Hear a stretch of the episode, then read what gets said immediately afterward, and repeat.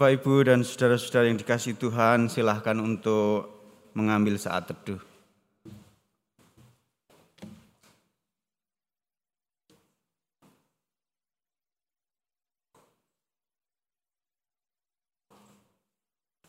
Saat teduh selesai. Bapak, Ibu, jemaat yang dikasih Tuhan Yesus Kristus, selamat pagi. Ya, bersama-sama kita mengucap syukur kehadirat Tuhan karena begitu besar kasihnya kepada kita semua sehingga pada pagi hari ini kita kembali boleh berkumpul di tempat ibadah ini juga masih dilakukan secara hibrid dan untuk Bapak Ibu yang ada di kanal YouTube bersama-sama juga selamat pagi. Untuk Bapak Ibu yang baru pertama kali mengikuti ibadah hibrid juga live streaming melalui kanal YouTube GKI Sarwa Indah, kami mengucapkan selamat datang. Apakah di ruangan ini ada yang baru pertama kali? Tidak ada ya? Baik, terima kasih. Pokok-pokok warta untuk hari ini adalah sebagai berikut. Kebaktian umum hybrid minggu Advent keempat pada pagi hari ini dilayani oleh Pendeta Marvan F. Niki Julu dari Pendeta eh, GKI Serpong. Kebaktian remaja hari ini Minggu 18 Desember 2022 dilayani oleh Pendeta Christian Dewantoro dengan majelis pendamping Penatua Edwin MP Tambunan dengan tema Allah beserta kita. Bertempat di ruang ibadah remaja Sekolah Nusa Indah. Mohon eh, perhatian dan doa kita semua. Pada hari ini juga sekolah minggu akan merayakan Natal eh, dengan tema Sang Juru Selamat lahir di Palungan. Akan dilayani oleh Penatua Jojor Sri Rezeki Tobing juga di ruang ibadah sekolah Nusa Indah. Mohon perhatian jemaat untuk yang e, mempunyai anak-anak. Untuk yang keempat, rapat PMJ akan diadakan e, pada hari ini juga 18 Desember pukul 12 tempat di sekretariat. Mohon doa dan perhatian kita semua untuk kelancaran PMC. Dari Komisi Diakonia, pembagian dana gota akan diadakan pada hari Selasa 20 Desember pukul 13 sampai pukul 16 waktu Indonesia bagian Barat bertempat di sekretariat.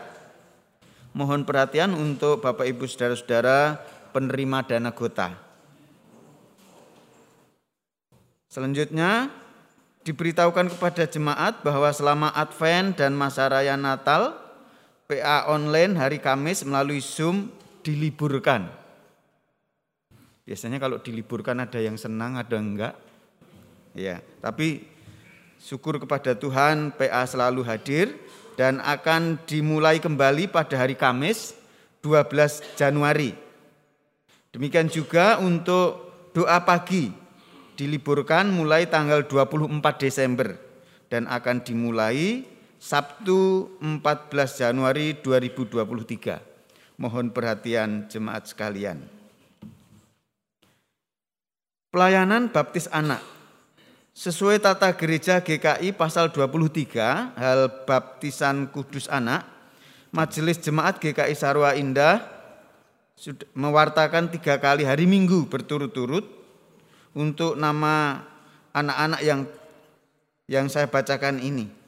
Apabila tidak ada keberatan yang sah secara tertulis dari anggota jemaat, maka pada hari Minggu 25 Desember 2022 Majelis Jemaat akan melaksanakan sakramen baptisan kudus anak terdiri atas satu Rayendra Catra Diwangkara dua Gladys Olivia Yudit.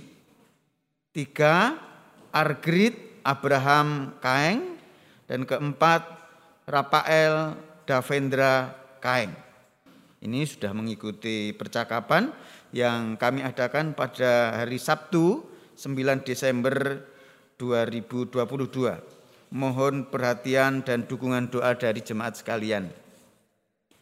Bapak Ibu yang dikasih Tuhan untuk kebaktian malam Natal, kebaktian malam Natal akan diadakan pada hari Sabtu 24 Desember 2022 pukul 18 dengan tema Natal Sukacita dalam Kesahajaan akan dilayani oleh Pendeta Christian Dewantoro tempat di sekretariat.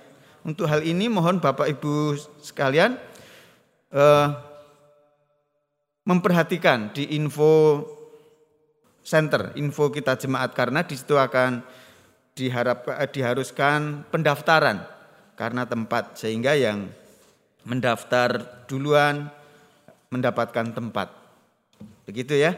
Untuk selanjutnya kebaktian Natal dan pelayanan baptis anak kembali akan dilaksanakan pada Minggu 25 Desember 2022 pukul 8 dengan tema Juru Selamat Segala Bangsa Telah Lahir akan dilayani Pendeta Christian Dewantoro bertempat di sekretariat. Mohon perhatian dan kehadiran serta doa jemaat sekalian. Bapak Ibu yang dikasih Tuhan, demikian pokok-pokok warta pada hari ini. Lebih lengkapnya Bapak Ibu bisa membaca di warta jemaat dalam bentuk file PDF.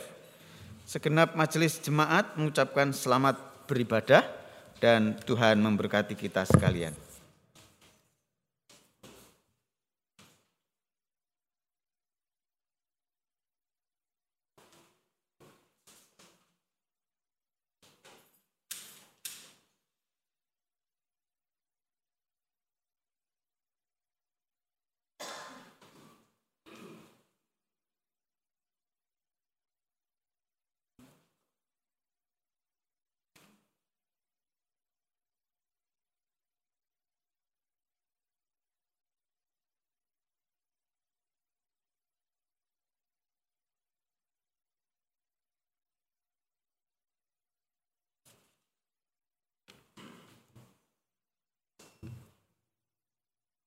Bapak Ibu dan saudara-saudara yang dikasih Tuhan, di minggu Advent keempat ini kita bersama diajak kembali menghayati hidup sebagai umat Tuhan yang sedang menanti kedatangannya.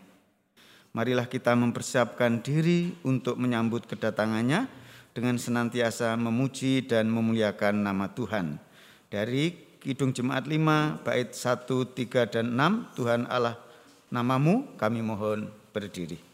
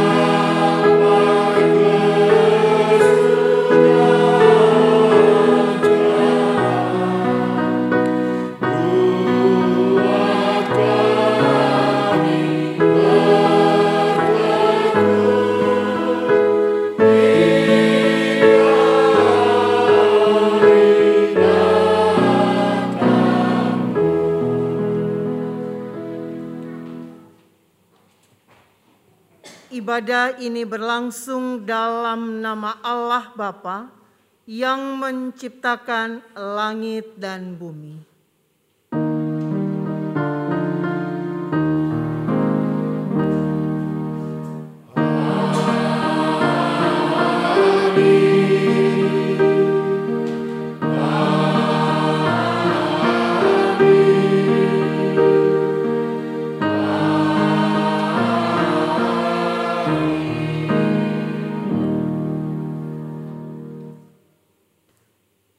Kasih karunia dan damai sejahtera dari Allah Bapa kita dan dari Tuhan Yesus Kristus menyertai saudara sekalian. Dan menyertai saudara juga.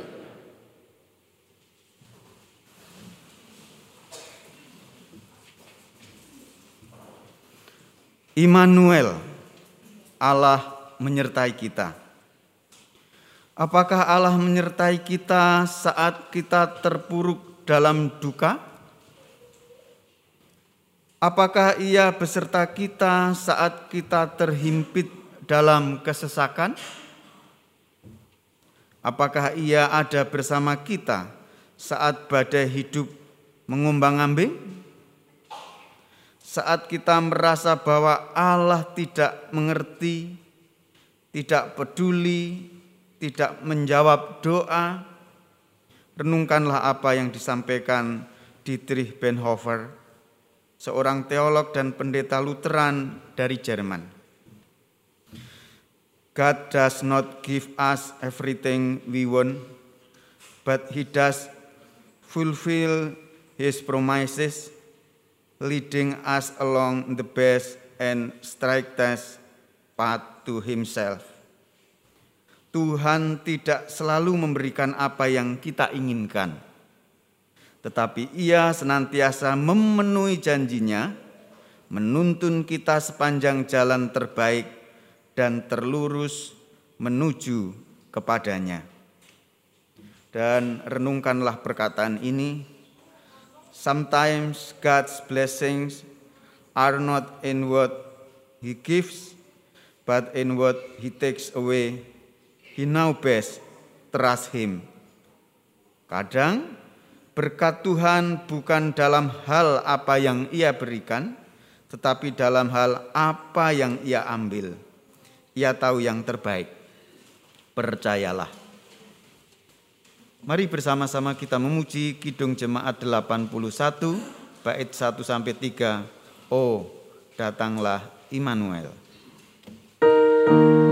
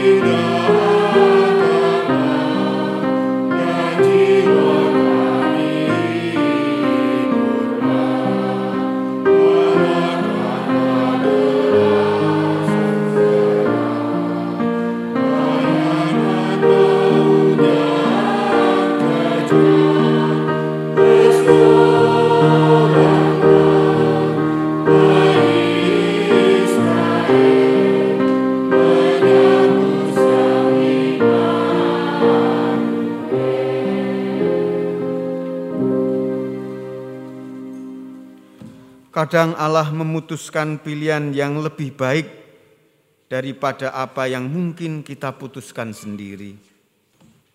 Ia tidak memberikan apa yang kita pandang baik, agar ia bisa memberikan yang lebih baik. Immanuel, Allah menyertai kita. Jika saat ini kita sejenak lupa atau ragu akan janji Allah untuk senantiasa menyertai kita, jika saat ini kita sempat berpikir untuk berpaling dari Allah, marilah kita datang kepadanya, menyatakan harapan dan permohonan agar Allah tinggal serta kita, bahkan ketika kita tidak mengharapkan dan memohon. Silahkan berdoa pribadi, dan nanti saya akan menutupnya dengan pengakuan dosa.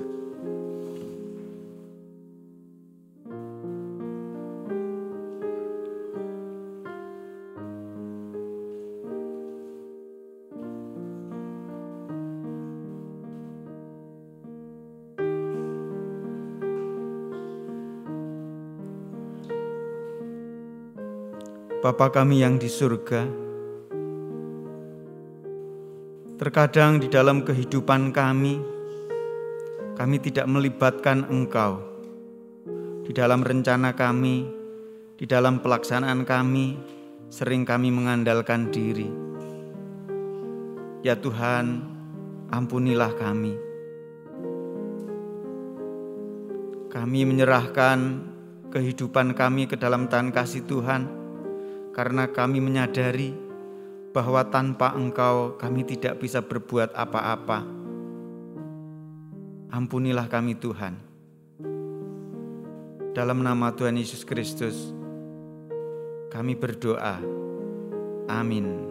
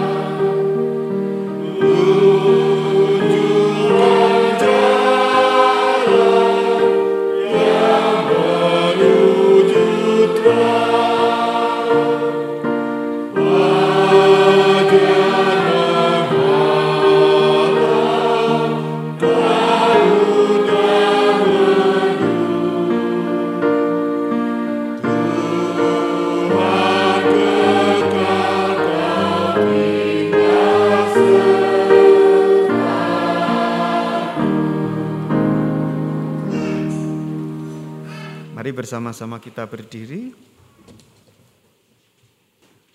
Berita anugerah bagi kita tertulis dalam Yesaya 41 ayat 10 demikian.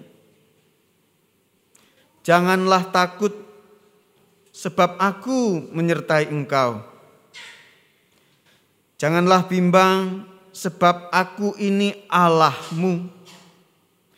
Aku akan meneguhkan bahkan akan menolong engkau.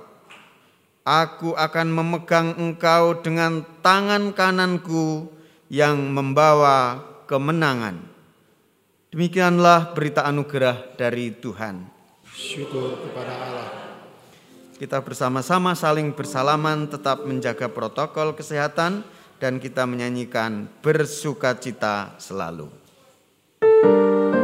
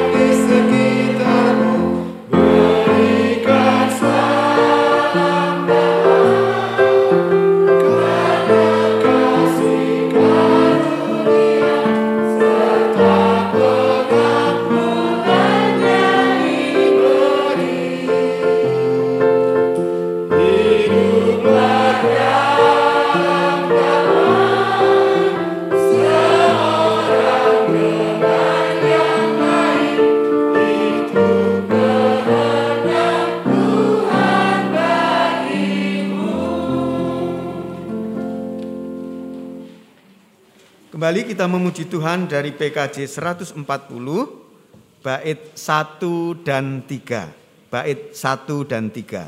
Tuhanku berjanji.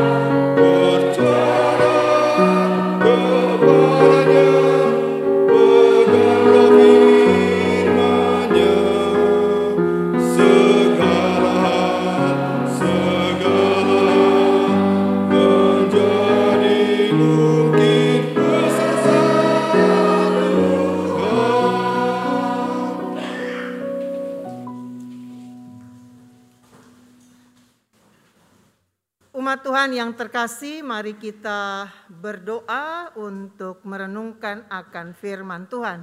Mari kita berdoa. Meyakini dan mengimani ya Tuhan, tiada yang mustahil dalam hidup iman kami. Hal itulah yang patut kami hidupi dalam setiap nafas kehidupan ini. Karena kami memiliki Tuhan yang Maha Kuasa, yang tak pernah meninggalkan kami sendiri melangkah, menghadapi setiap realita hidup ini. Kami ingin terus menyikapi segala sesuatu dalam hidup kami, bahwa tiada yang mustahil di tangan kemaha kuasaan engkau. Sehingga bagian kebenaran firman-Mu yang akan kami baca renungkan pada pagi ini menjadi perenungan yang tepat sehingga hidup yang tepat pula dapat kami nyatakan hari lepas sehari. Berfirmanlah ya Allah dengan penuh sukacita kami menyambut akan kebenaran Engkau. Demi Kristus Tuhan Sang Firman yang hidup, kami mohonkan doa ini. Amin.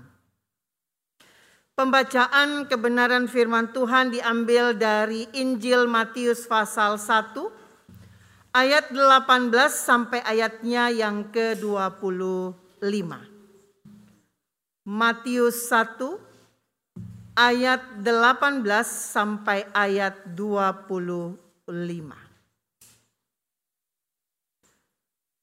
Kelahiran Yesus Kristus adalah seperti berikut. Pada waktu Maria ibunya bertunangan dengan Yusuf, ternyata ia mengandung dari Roh Kudus sebelum mereka hidup sebagai suami istri. Karena Yusuf suaminya seorang yang tulus hati dan tidak mau mencemarkan nama istrinya di muka umum, ia bermaksud menceraikannya dengan diam-diam. Tetapi ketika ia mempertimbangkan maksud itu, malaikat Tuhan nampak kepadanya dalam mimpi dan berkata, Yusuf anak Daud, janganlah engkau takut mengambil Maria sebagai istrimu, sebab anak yang di dalam kandungannya adalah dari roh kudus. Ia akan melahirkan anak laki-laki dan engkau akan menamakan dia Yesus karena dialah yang akan menyelamatkan umatnya dari dosa mereka. Hal itu terjadi supaya genaplah yang difirmankan Tuhan oleh nabi. Sesungguhnya anak darah itu akan mengandung dan melahirkan seorang anak laki-laki dan mereka akan menamakan dia Immanuel yang berarti Allah menyertai kita. Sesudah bangun dari tidurnya, Yusuf berbuat seperti yang diperintahkan malaikat Tuhan itu kepadanya. Ia mengambil Maria sebagai istrinya, tetapi tidak bersetubuh dengan dia sampai ia melahirkan anaknya laki-laki dan Yusuf menamakan dia Yesus. Demikianlah firman Tuhan. Berbahagialah mereka yang mendengarkan firman Tuhan dan memeliharanya di dalam kehidupan sehari-hari. Maranatha.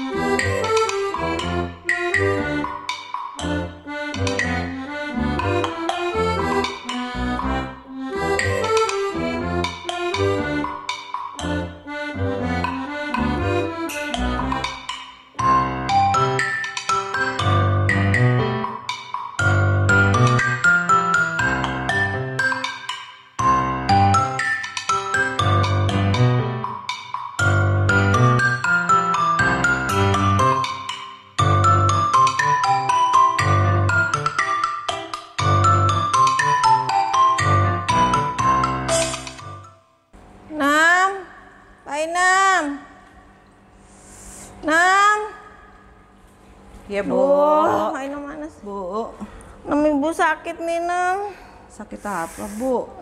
Ya nggak tahu emang aku dokter. Maksudnya apa yang Ibu rasa? Aku tuh demam, sakit tenggorokan, mual, sakit kepala, batuk, pilek. Diborong semua, Bu. Iya nih, apa covid Nem? Ah, Ibu jangan nakutin. Ah, kena Covid dari mana? Ya mana aku tahu kamu kali nularin aku. Lah, kan saya baik-baik aja Ibu yang sakit. Ibu jangan nularin saya ya. Ah, Yaudah sana Nem bikinin teh panas kayak masakin bubur. Ah, Iya. Laper nih ya. Ya, Bu. Cepetan. Tumben rumah sepi. Mama nggak teriak-teriak mah pagi-pagi. Mama tuh sakit toh, Pak. Hah? Mama sakit? Sakit apa mah? Kemarin masih baik-baik aja kok. Nggak usah lebay deh. Eh beneran ini mah, mama sakit apa? Sakit covid kali. Seriusan dong mah. Gimana apa yang dirasa? Demam, sakit tenggorokan, mual, sakit kepala, batuk, pilek. Hmm, paket komplit kan tuh. Sakitnya borongan mah. Aduh, kamu tuh sama ya kayak Pak Inem ya. Beliin obat kek, beliin buah kek, nggak tulus banget sih. Bu, Mas Paijo juga sakit. Gimana, Bu? Ya Ella, ya udah kamu urus dong suami kamu masa aku. Tadi jadi prehara lagi. Ah, Gejalanya sama kayak Ibu. Nah ini nih, Pak Ijo yang nularin mama. Ya nggak mungkin lah, kan mama duluan gimana sih papa? Ah, Ya ampun mah, sakit aja mesti menang nggak mau kalah. iya dong. Yaudah kita tes antigen aja semuanya yuk. Pak Inem, bawa tes alat tesnya ke sini. Kumpul semua kita tes. Oke, Pak.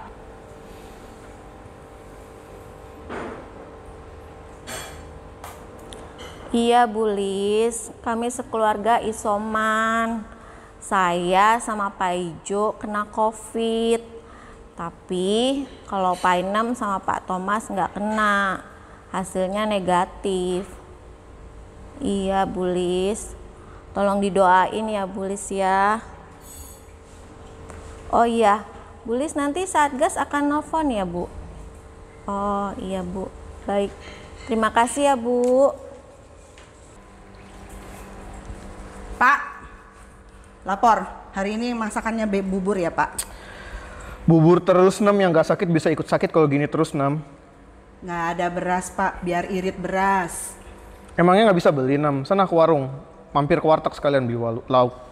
Lagi isoman, Pak. Nggak boleh keluar rumah. Yang sakit kan cuma Pak Ijo dan Ibu nem. Lah kamu kenapa pakai kacamata? Supaya nggak ketularan COVID, Pak. Ini pengaman. Nem kalau kalau COVID itu kamu pakai masker bukan kacamata. Oh gitu ya, Pak? Itu tadi Pak RT datang bilang kita nggak boleh keluar rumah dulu loh Pak. Kita harus di dalam rumah selama isoman 14 hari. Berani-beraninya Pak RT larang-larang kita di keluar-keluar. Jadi bukan pakai kacamata ya Pak? Bukan.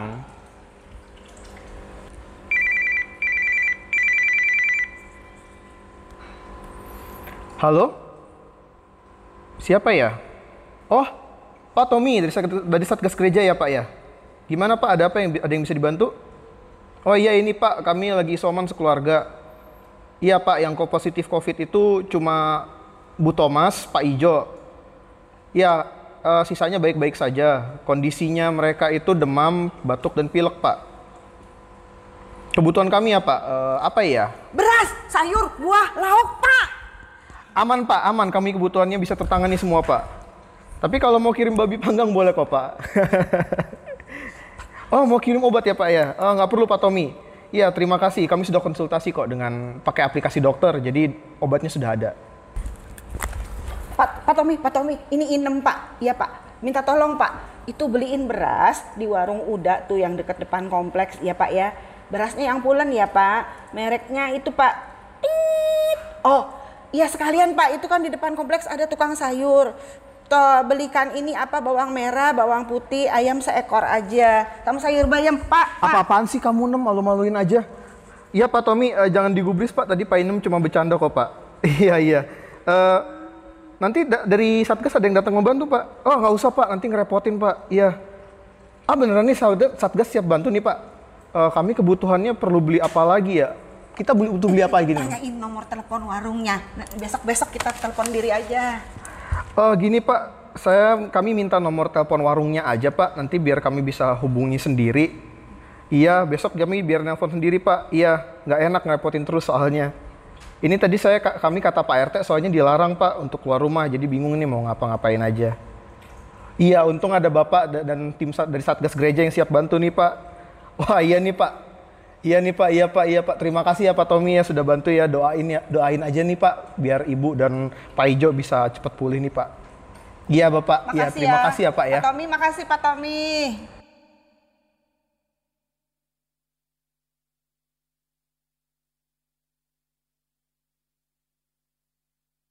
Bu, Kalau sakit tuh isoman di dalam kamar, Bu. So tahu kamu. Itu Pak Ijo saya kurung di kamar nggak boleh keluar. Nanti Ibu nularin Pak Thomas loh, Bu. Kamu sama bapak solidaritas dikit lah. Lauknya makan. Nem, ini apaan Nem? Enak banget. Itu babi panggang kiriman Pak Tommy Satgas Gereja. Makan Bu, biar banyak. Wah, baik banget. Jadi pingin makan, Ih, semangat banget nih makanku. Iya, itu Pak Tommy baik banget loh Bu, Satgas Gereja, gercep. Itu Bu Lis juga baik banget loh. Bu Lis kirim apel tuh ada di kulkas. Nanti Pak Inem potongin buat Ibu ya. Makan yang banyak cepet sehat ya Bu. Iya Nem, makasih ya Nem. Dapat kiriman apa lagi Nem? Dari Diakonia ada gak Nem? Ada, dikirimin beras kita. Inem minta. Ya ampun Inem kamu mau main banget sih. Ini yang minta babi panggang Pak Thomas sama Pak Tommy dia minta. Ya ampun. Kita minta apa lagi? Kirain ibu malu minta-minta. Udahlah, nanti persembahan aku gedein aja.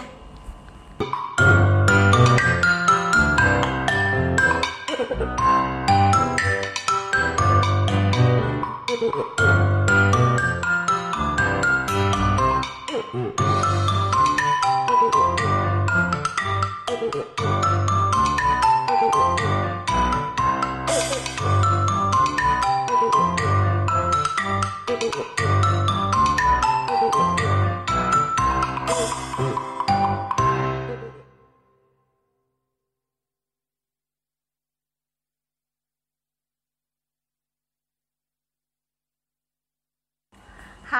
Ibu Lis, ini Bu Thomas Bu. Iya, saya mau ngucapin terima kasih loh Bu atas kiriman buah dari Kespel. Jadi ngerepotin nih ah. Oh iya Bu, saya udah enakan Bu. Mm-mm, masih isoman semua, nggak keluar rumah kok Bu. Jadi warga yang bertanggung jawab. Iya, supaya nggak bisa nularin warga sekitarnya. Oh iya bu, kita udah berobat kok Bu Lis. Mm-mm, kita pakai aplikasi, ya beli obat juga diantar sama Gojek udah di depan rumah. Iya sekarang mah zaman hebat ya bu ya. Apa-apa pencet-pencet langsung nongol depan rumah. Mm-mm. Anu itu loh Bu Lis, aku mau kasih tahu apelnya udah habis. Iya tuh Pak Thomas tuh suka banget apelnya. Lah, aku yang sakit dia ngabisin, Bu. Iya, aku nggak kebagian, cuman dapet ceritanya doang tuh dari Pak Thomas. Sebel aku jadinya. Mm-mm. Ini loh, Bu. Aku kalau lagi sakit pengen melon madu. Iya, kalau melon madu tuh kalau habis makan tuh kayaknya di tenggorokan tuh adem tuh, Bu. Enak banget. Jadi mikirin aku. Hah? Bulis, beneran? Nggak ngerepotin? Serius nih, Bu. Walah, jadi nggak enak. Iya, Bu. Aduh, makasih loh, Bu. Nah, tapi nanti ada yang nganterin kan, Bu ya? Oh, ada. Aduh. Tapi jangan lama-lama, Bu, nganterinnya. Saya udah ngiler ini loh. Iya iya. Aduh, Bulis baik banget deh. Makasih ya Bulis ya. Tuhan Yesus memberkati. Dah.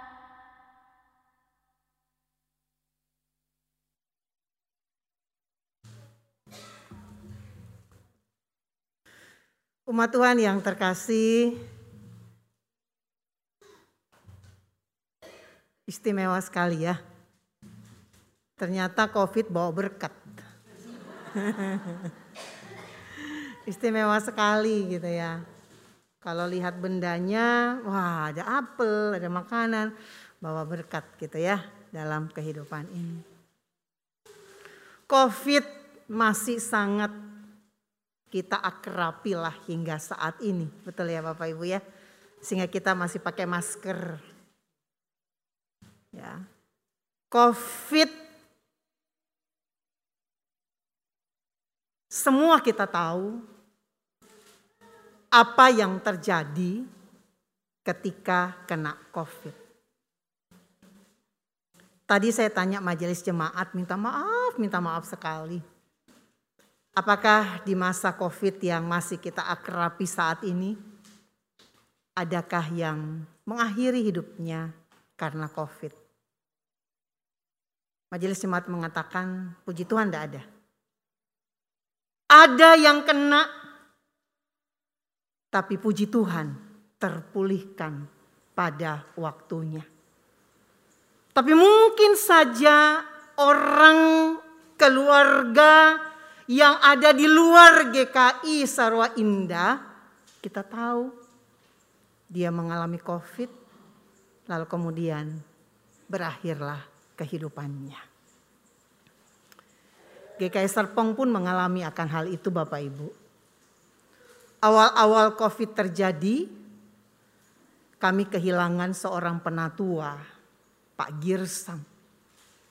Seorang pelayan Tuhan yang bagi kami istimewa. Dan ia kena COVID. Pada saat itu masih sangat tabu untuk ngasih tahu orang bahwa ia kena. Jadi kami majelis benar-benar keep. Bukan hanya majelis, orang-orang tertentu saja yang tahu. Dan saat itu saya diberikan kepercayaan untuk mendampingi keluarga. Ngilu Bapak Ibu karena kondisinya semakin hari semakin buruk. Sampai akhirnya dijemput untuk dibawa ke rumah sakit pakai ventilator. Dan ya Tuhan mengatakan selesai sudah. Dan itu sesuatu yang sangat luar biasa. Yang dialami. Baik kami majelis jemaat, baik jemaat GKI Serpong, apalagi istri beliau. Kemarin ketika saya khotbah di GKI Serpong, tanggal 11 kemarin, lalu ada juga video yang di mana Christmas Carol atau pengunjungan dalam rangka sukacita Natal itu juga menghampiri dan datang ke keluarga yang eh, kehilangan orang yang mereka kasihi selama COVID. Dan Ibu Girsang, Ibu Ida berbagi setelah tiga tahun dia berbagi bahwa ketika suaminya bersama-sama dengannya aman. Kalau mereka punya dua orang anak, kalau kakak ada sesuatu, bang, kakak tuh, dia panggilnya suaminya bang. Bang, kakak tuh. Kalau adik, bang, adik tuh. Semuanya ditangani oleh suaminya. Dan ketika suaminya tak bersama lagi dengannya, goncangan luar biasa. Dan dia bersaksi kemarin. Kalau mau lihat kesaksiannya bisa juga buka kanal YouTube GKI Serpong. Dia bersaksi selama ia bersama suaminya. Dia sangat mengandalkan suaminya. Segala sesuatu suaminya. Saya kehilangan, betul saya kehilangan. Saya sedih, betul saya sedih. Tapi apa yang Tuhan perlihatkan kepada saya? Bahwa Saya sekarang harus lebih mengandalkan Tuhan. Ketika ada persoalan masalah saya berdoa, saya berserah, saya bermohon pada Tuhan untuk ditolong dan disertai. Dan itulah yang saya hidupi hingga pada saat ini. Beliau tetap melayani, tetap berkarya sebagai salah satu pemerhati di gereja kami, dan tetap menjalani perannya untuk mendampingi dua anak, si kakak dan si adik. Dan semua itu karena cinta Tuhan. Di dalam realita COVID, respon orang beragam. Respon orang sungguh kita lihat sehari-hari. Kalau dari video tadi, sungguh luar biasa jemaat ini. Bahwa berbagi, peduli, dan senantiasa boleh ada meringankan. Itu ada. Walaupun tadi, wah senang juga ya dikirimi. Ya itu sukacita. Itu bahagia. Kita tertawa melihat respon itu. Tapi hal yang sangat luar biasa adalah Tuhan memakai, Tuhan menggerakkan, Tuhan menuntun, dan Tuhan menyertai. Sehingga bukan keluarga ini saja yang menghadapi sendiri. Tetapi ada tangan-tangan penuh kasih yang boleh terulur untuk memberikan pertolongan umat Tuhan yang terkasih. Di minggu Advent yang keempat ini. Kemarin kita ada di minggu Advent yang ketiga, minggu Gaudete, minggu sukacita. Dan sekarang ini sudah semakin dekat. Kita mau merayakan karya Tuhan yang sangat luar biasa. Adventus kedatangan dan kita dalam posisi menanti. Menanti apa? Yang pertama adalah anamnesis, pengenangan akan 2000 tahun yang lalu kelahiran Kristus ke dunia ini. Kita mengenangnya. Kita bersuka cita. Kita merayakannya dalam Natal yang penuh dengan sukacita. Tapi kita tidak hanya berhenti di situ. Kita akan terus melanjutkan penantian kita dengan parusia kedatangan Tuhan kembali. Kapan itu? Kita tidak tahu. Masanya kapan? Kondisinya apakah masih COVID? Apakah masih aman-aman hidup kita atau bagaimana? Kita tidak tahu. Tapi yang menghantar kita untuk terus menanti adalah iman kita. Percaya kita, keyakinan kita hanya pada Tuhan saja. Itu masa Advent. Tidak berhenti di perayaan Natal tapi terus-menerus di dalam kehidupan kita. Sehingga ketika dalam masa Advent kita, dalam penantian kita, dalam menyikapi realita yang kita hadapi, mau itu COVID, mau itu pergumulan apa pun juga, bagaimana kita menyikapinya? Setiap orang pasti punya pergumulan ya. Kita tidak akan mau menafikan pergumulannya ada. Ada kok pergumulan kita. Ada kok masalah yang kita hadapi. Persoalannya adalah bagaimana kita menyikapinya. Bagaimana kita ingin tetap menjadi umat Tuhan yang taat, yang setia ketika pergumulan masalah kita hadapi dalam hidup ini. Yusuf dalam teks Alkitab kita menghadapi masalah pergumulan yang sangat luar biasa. Berat. Sangat berat. Tunangannya hamil sebelum mereka sebagai suami dan istri.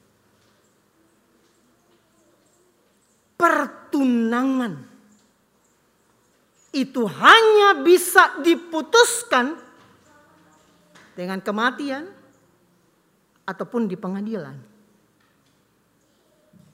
Dan ketika itu terjadi, seorang Yusuf menimbang-nimbang pilihan apakah yang tepat, yang harus dan sebaiknya aku ambil dan aku jalani. Tunanganku sudah hamil. Dalam tradisi Yahudi, keluarga setuju Maria Yusuf itu menjadi pasangan, lalu akhirnya pertunangan. Dan itu sah. Lalu kemudian nanti dalam pernikahan dan pertunangan menjadi spesial di dalamnya. Ketika seseorang kedapatan tidak setia dalam perjanjian lama, tetap ulangan, maka dia akan mendapat hukuman, akan diperhadapkan ke pengadilan, akan mendapatkan malu, bukan hanya dirinya, tapi keluarga besarnya Maria, keluarga besar Yusuf akan mendapat malu. Dan itu yang dihadapi oleh Yusuf. Bukan perkara yang mudah. Bukan pergumulan yang mudah untuk diselesaikan. Dalam timbang-timbangnya seorang Yusuf dia memutuskan bagi dirinya meninggalkan secara diam-diam.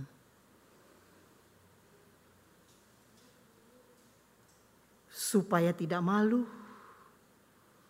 supaya juga mungkin dalam pikiran Yusuf, Maria bisa nikahlah sama orang yang menghamilinya. Dalam olah pikirnya, Supaya keluarga nggak terlalu malu. Aku pergi.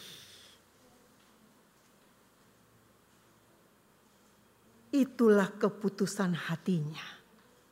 Dalam kebimbangan, dalam pemikirannya, dalam tekanan yang luar biasa. Apa yang harus aku putuskan? Dalam olah pikirnya, dalam olah hatinya, dalam olah tindakannya. Aku meninggalkan saja secara diam-diam. Kalau bicara mengenai isoman memang harus di rumah ya. Semua tuh harus di rumah, nggak boleh keluar. Apakah diam-diam? Nggak juga diam-diam gitu ya. Tapi harus diberitahu siapa yang positif, siapa yang tidak. Gitu ya. Dan tadi itu harusnya pakai masker ya, yang negatif itu ya, atau yang positif itu kira-kira ya, gitu ya. Itu yang ada.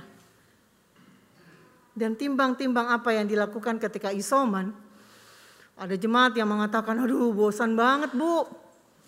Gitu ya, asli bosannya. Lalu apa yang dilakukan? Ya udahlah saya makan banyak aja. Supaya cepat kuat. Tidur, makan vitamin, nonton drakor lah. Supaya bisa ada imun su ininya, bahagianya ah, gitu kan ya. Atau nonton persidangan lah bu, supaya belajar. Oh oke, okay. gitu ya. Banyak yang bisa menjadi pilihan ketika itu ada dalam kehidupan ini.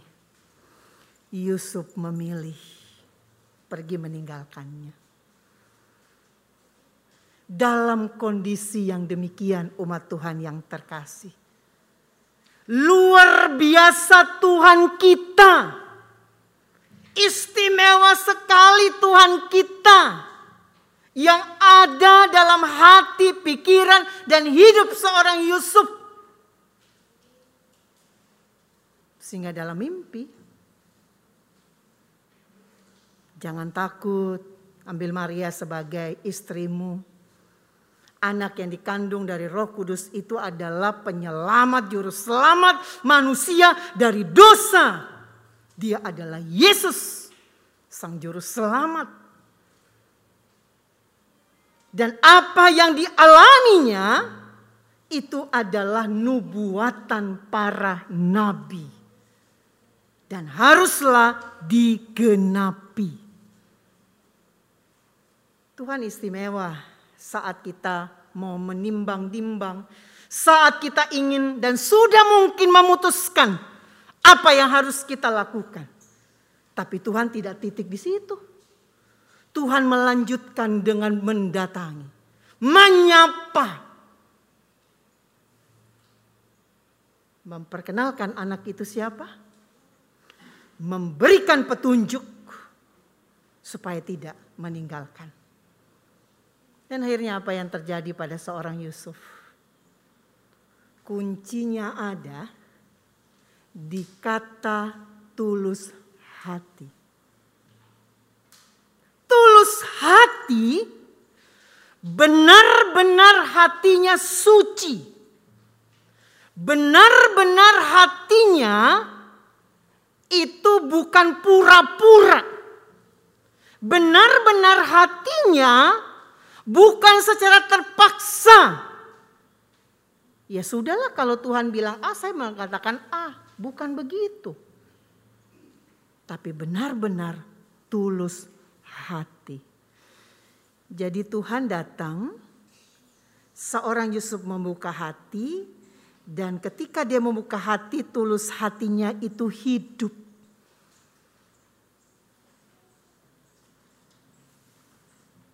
Dan tulus hati inilah yang akhirnya membuat dia. Dan itu pasti adalah anugerah daripada Allah bagi hidupnya. Sehingga ia mengambil Maria sebagai istrinya. Apakah selesai pergumulannya? Belum juga.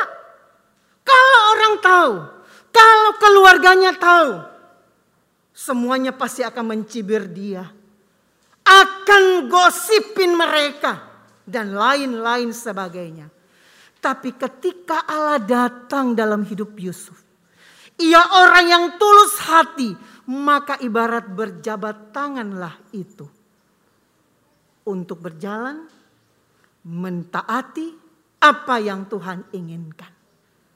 Mengambil Maria sebagai istrinya dan menamai anak itu Yesus.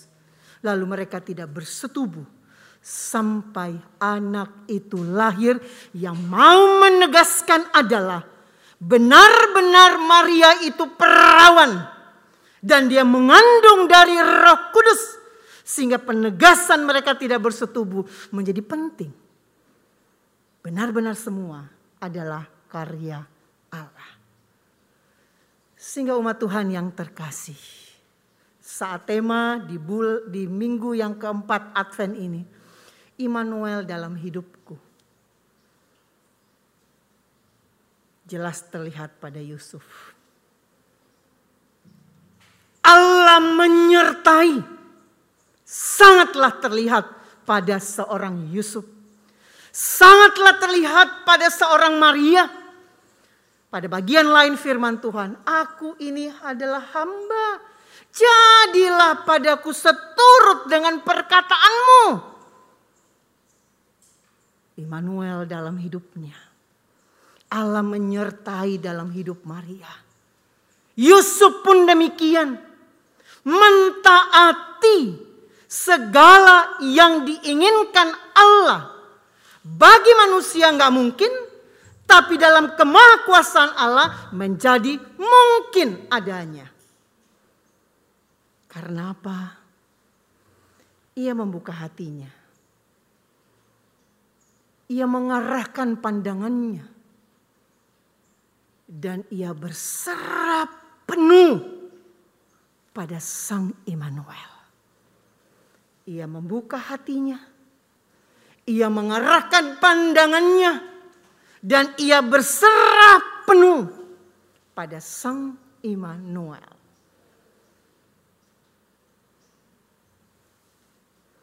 Kalau kehabisan apel, telepon Ibu Lis. Tahu Bu Lis pasti tahu apel yang enak di mana. Kalau pengen apa tadi itu ya? Melon madu. Wih, telepon Ibu Lis. Kita tahu ya ke mana ya. Kalau mau babi panggang, telepon Pak Tommy. Tahu ke mana. Karena orang-orang ini dipilih untuk boleh hadir dalam uluran tangan. Dan pasti semuanya ya Bapak Ibu sekalian ya. Kalau saya, mari kita berdoa. Nah, gitu kan ya. Dan kalau kita dalam pergumulan, dalam persoalan kehidupan, kita tahu ya hubungi siapa. Hubungilah Sang Immanuel. Bukan hanya bilang Immanuel, Sang Immanuel tolong aku tapi buka hati kita juga. Ketika Sang Immanuel itu mau masuk dalam hati kita, menggerakkan kita, menguatkan kita, kita mau mengatakan terima kasih Sang Immanuel. Bukan kita mengatakan nih gue ini hebat kan. Udah bisa bebas dari covid kan. Tuh lihat tuh. Sombong kali. Tapi kita mau lihat Sang Immanuel aku akan hidupi dalam hidupku. Dengan apa? Dengan aku membuka hatiku selebar-lebarnya baginya. Sehingga tulus hati itu juga boleh menjadi perjuangan dalam hidupku. Dan ketika aku berserah, berserahlah. Jangan ragu, jangan cemas, jangan khawatir, jangan menyesal tapi berserahlah penuh. Sehingga telepon Immanuel ya, Sang Immanuel ya Bapak Ibu ya. Teleponlah Sang Immanuel. Ngobrollah sama Sang Immanuel. Berdoalah padanya. Mohonlah pimpinannya. Dan miliki hati yang tulus dan taat. Itu juga kuncinya dan lakukan. Hubungi Sang Immanuel. Kan Sang Immanuel mau kita hidup ya. Hubungilah. Lalu miliki hati yang taat dan tulus hati. Dan berjalanlah sesuai dengan apa yang ia mau. Selamat berjuang.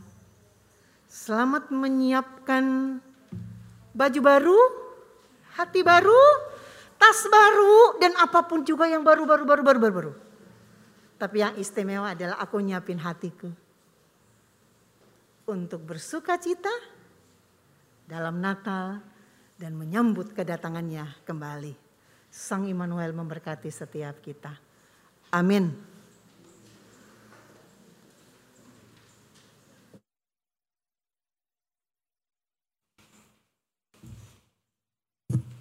Jemaat, mari saya undang untuk bangkit berdiri. Marilah kita bersama dengan umat Allah di masa lalu, masa kini, dan masa depan mengingat pengakuan pada baptisan kita menurut pengakuan iman rasuli. Aku percaya kepada Allah, Bapa yang Maha Kuasa, Halik langit dan bumi, dan kepada Yesus Kristus, anaknya yang tunggal Tuhan kita, yang dikandung daripada roh kudus, lahir dari anak darah Maria, yang menderita sengsara di bawah pemerintahan Pontius Pilatus, disalibkan, mati dan dikuburkan, turun ke dalam kerajaan maut. Pada hari yang ketiga, bangkit pula dari antara orang mati, naik ke surga, duduk di sebelah kanan Allah, Bapa yang Maha Kuasa, dan dari sana ia akan datang untuk menghakimi orang yang hidup dan yang mati. Aku percaya kepada Roh Kudus, gereja yang kudus dan am, persekutuan orang kudus, pengampunan dosa, kebangkitan orang mati, dan hidup yang kekal. Amin.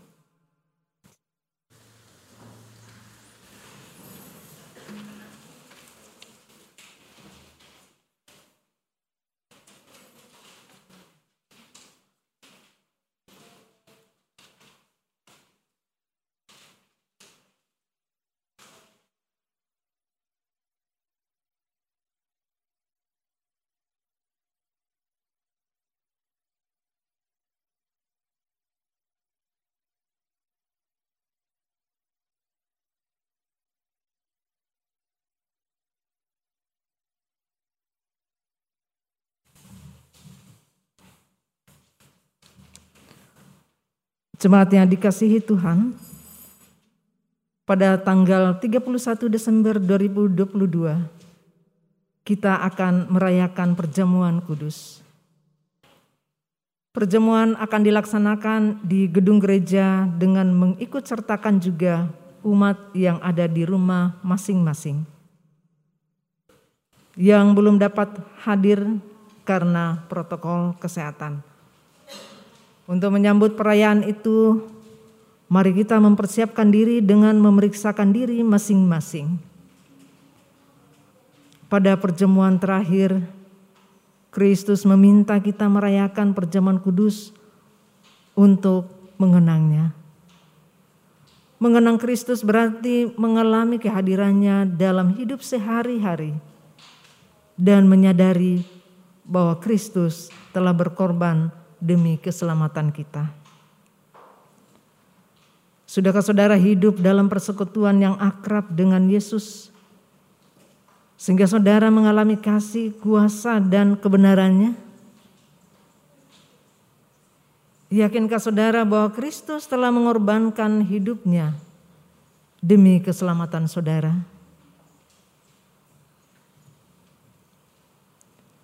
Pada perjamuan terakhir, Kristus memecah roti dan mengangkat cawan, lalu membagikannya pada murid-muridnya. Ketika menerima roti dan air anggur, simbol tubuh dan darah Yesus, kita dipersatukan dengan Kristus Yesus menjadi kepala, sedang kita adalah tubuhnya. Sudahkah saudara menjadikan Yesus sebagai kepala? Pemimpin saudara dalam hidup pribadi, keluarga, bergereja, dan bermasyarakat? Sudahkah saudara hidup dalam kasih dengan saudara seiman yang adalah sesama anggota tubuh Kristus? Dengan makan roti dan minum air anggur, kita dipersatukan dalam kematian dan kebangkitan Kristus. Ini berarti kita perlu menyangkal diri, memikul salib dan mengikut Kristus. Menyangkal diri berarti rela berkorban demi Tuhan dan sesama. Sudahkah saudara rela berkorban bagi sesama? Sudahkah kehidupan saudara menjadi berkat bagi sesama? Peduli pada sesama, berani menyuarakan kebenaran dan keadilan, serta berjuang menciptakan damai sejahtera. Kiranya Roh Kudus menolong kita dalam mempersiapkan diri merayakan perjamuan kudus mendatang.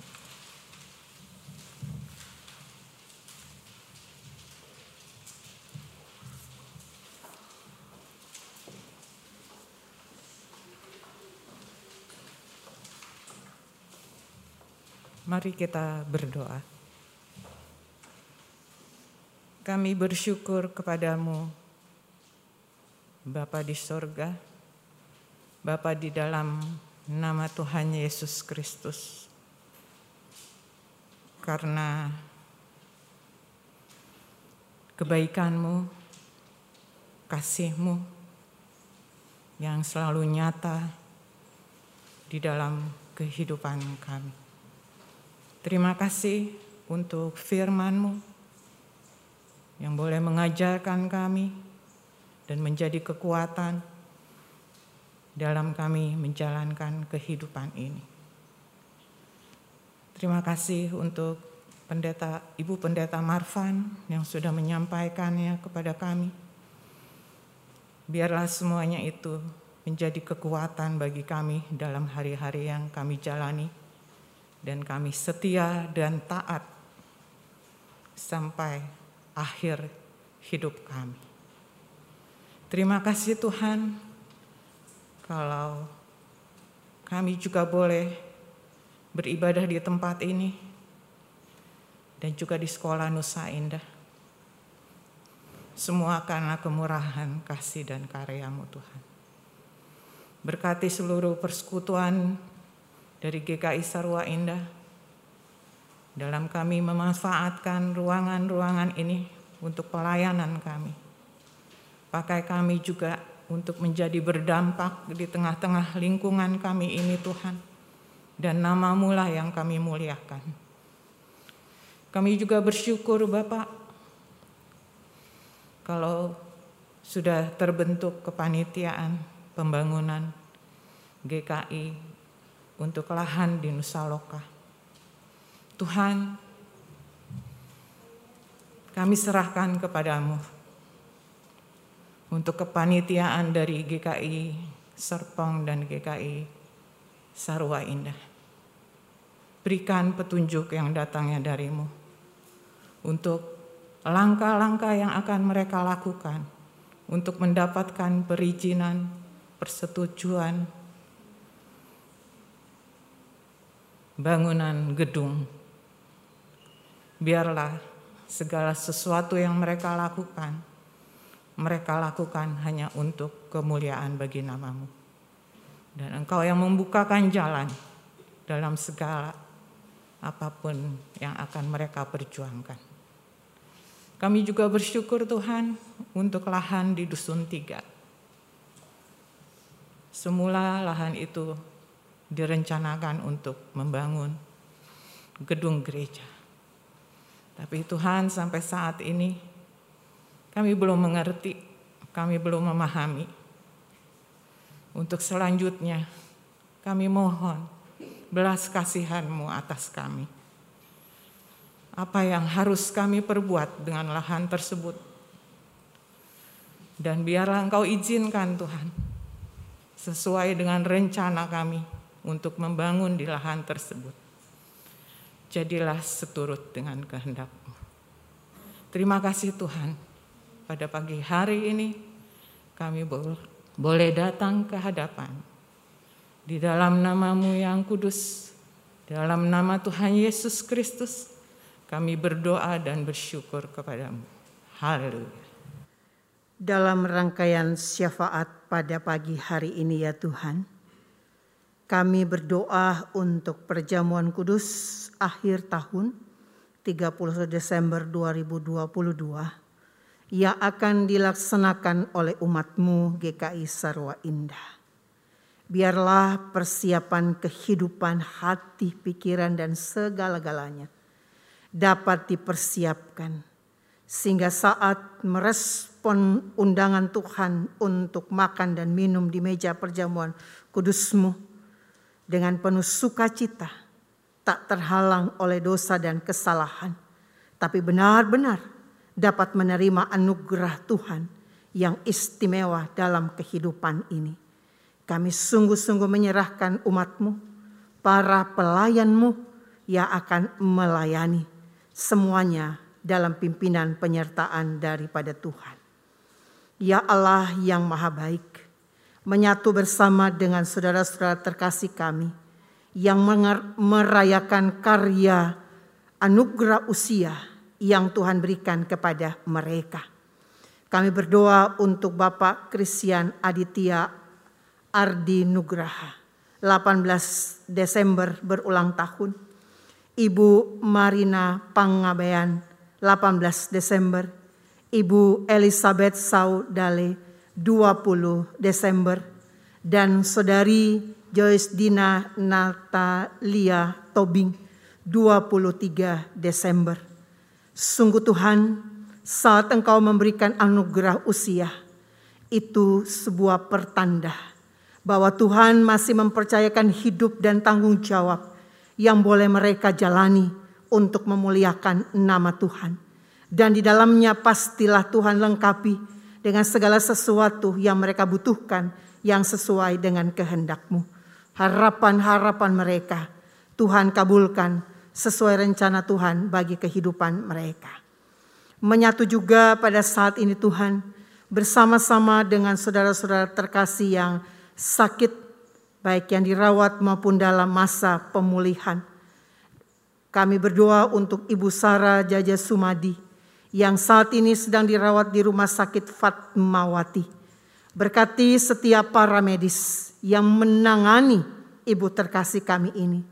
Berikan hikmat dan kemampuan kepada keluarga yang setia mendampingi senantiasa.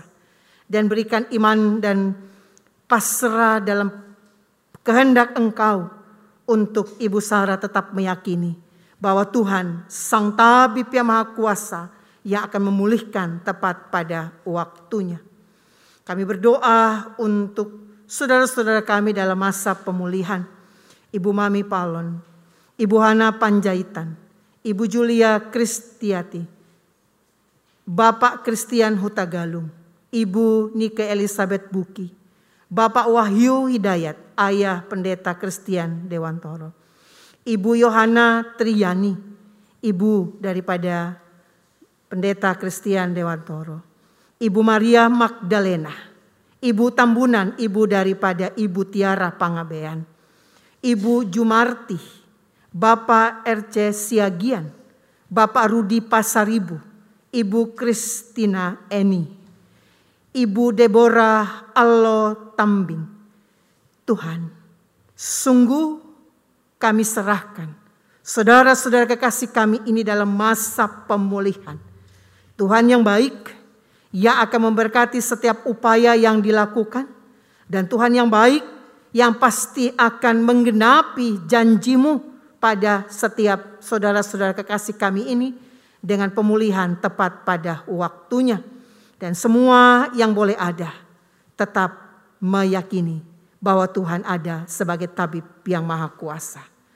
Kami berdoa untuk Ibu Mariana Susanto yang pada saat ini dalam isoman. Kami mohon engkau memberkati beliau sehingga dengan pertolongan darimu Sang Immanuel, beliau boleh tetap semangat berjuang dan boleh mengelola segala sesuatunya yang akhirnya mendapat kesembuhan daripada Tuhan saja dan keluarga yang mendampingi, kami pun serahkan dalam pimpinan Tuhan. Tuhan yang baik, berkatilah umatmu GKI Sarwa Indah. Kami yakin jemaat ini milikmu. Dan Tuhan pasti akan mengenapi segala sesuatu yang dirindukan oleh jemaat ini.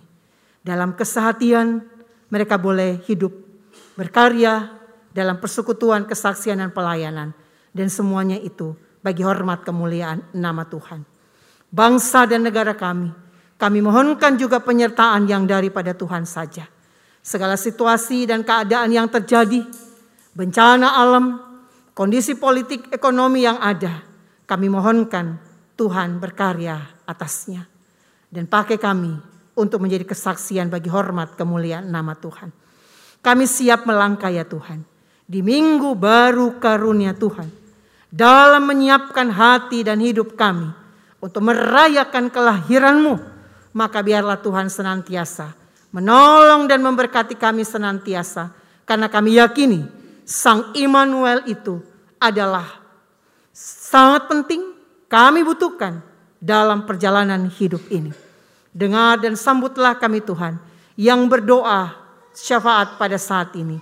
Yang kami alaskan dalam nama Tuhan Yesus Kristus yang mengajar kami berdoa kami bersama-sama.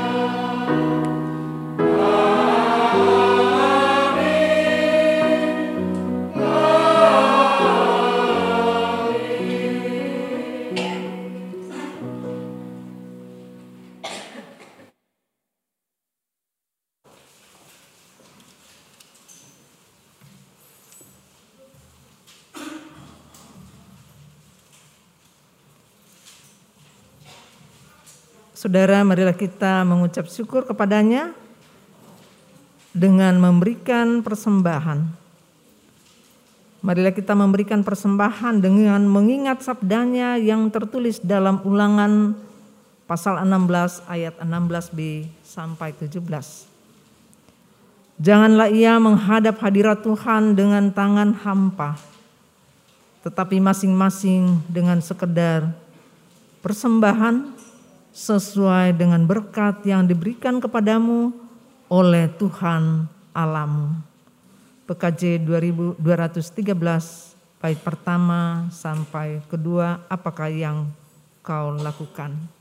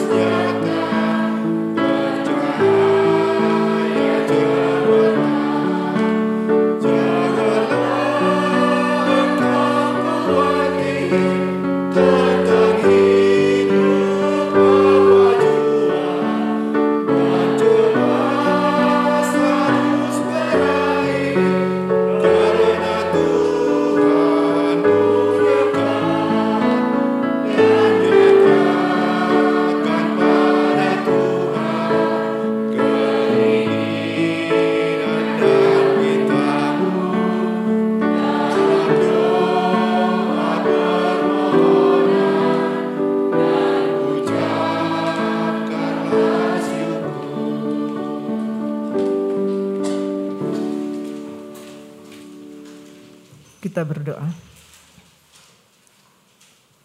Di hadapanmu kami membawa persembahan yang kami ambil dari berkat-berkat Tuhan yang boleh kami nikmati dalam kehidupan kami. Berkati ya Bapa dan persembahan sebagai ungkapan syukur kami karena kemurahan Tuhan menyelamatkan kami. Dan hidup kami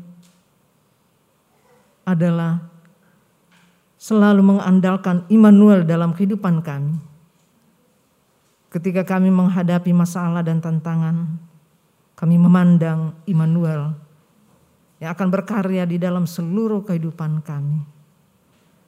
Berkati kami yang akan mengelolanya sehingga persembahan ini berkenan dan kami diberi hikmat mengelolanya dengan benar di hadapan Tuhan untuk kemuliaan namamu.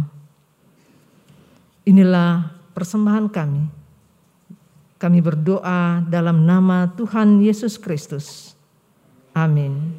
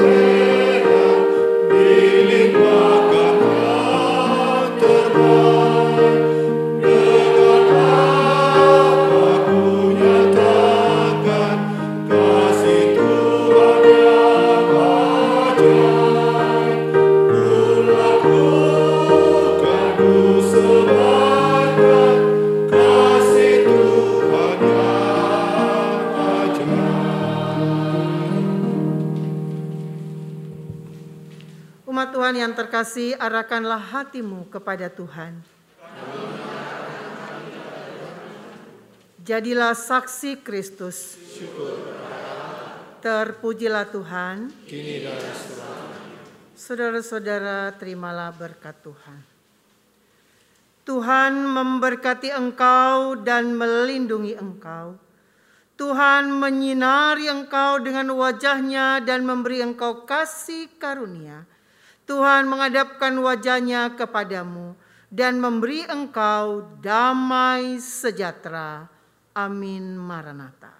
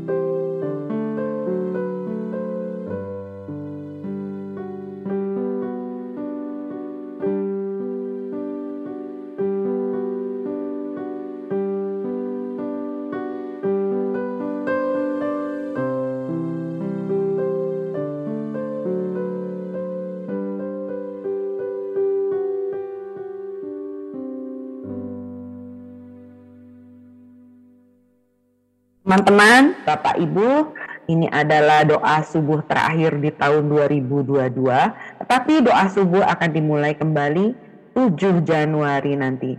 Hadirilah doa subuh setiap Sabtu pukul 6. Mari kita doakan teman-teman kita, kita doakan gereja kita. Sampai jumpa di 7 Januari, hari Sabtu pukul 6 pagi. Tuhan berkati. Selamat hari Minggu. Selamat hari Minggu. Terima kasih.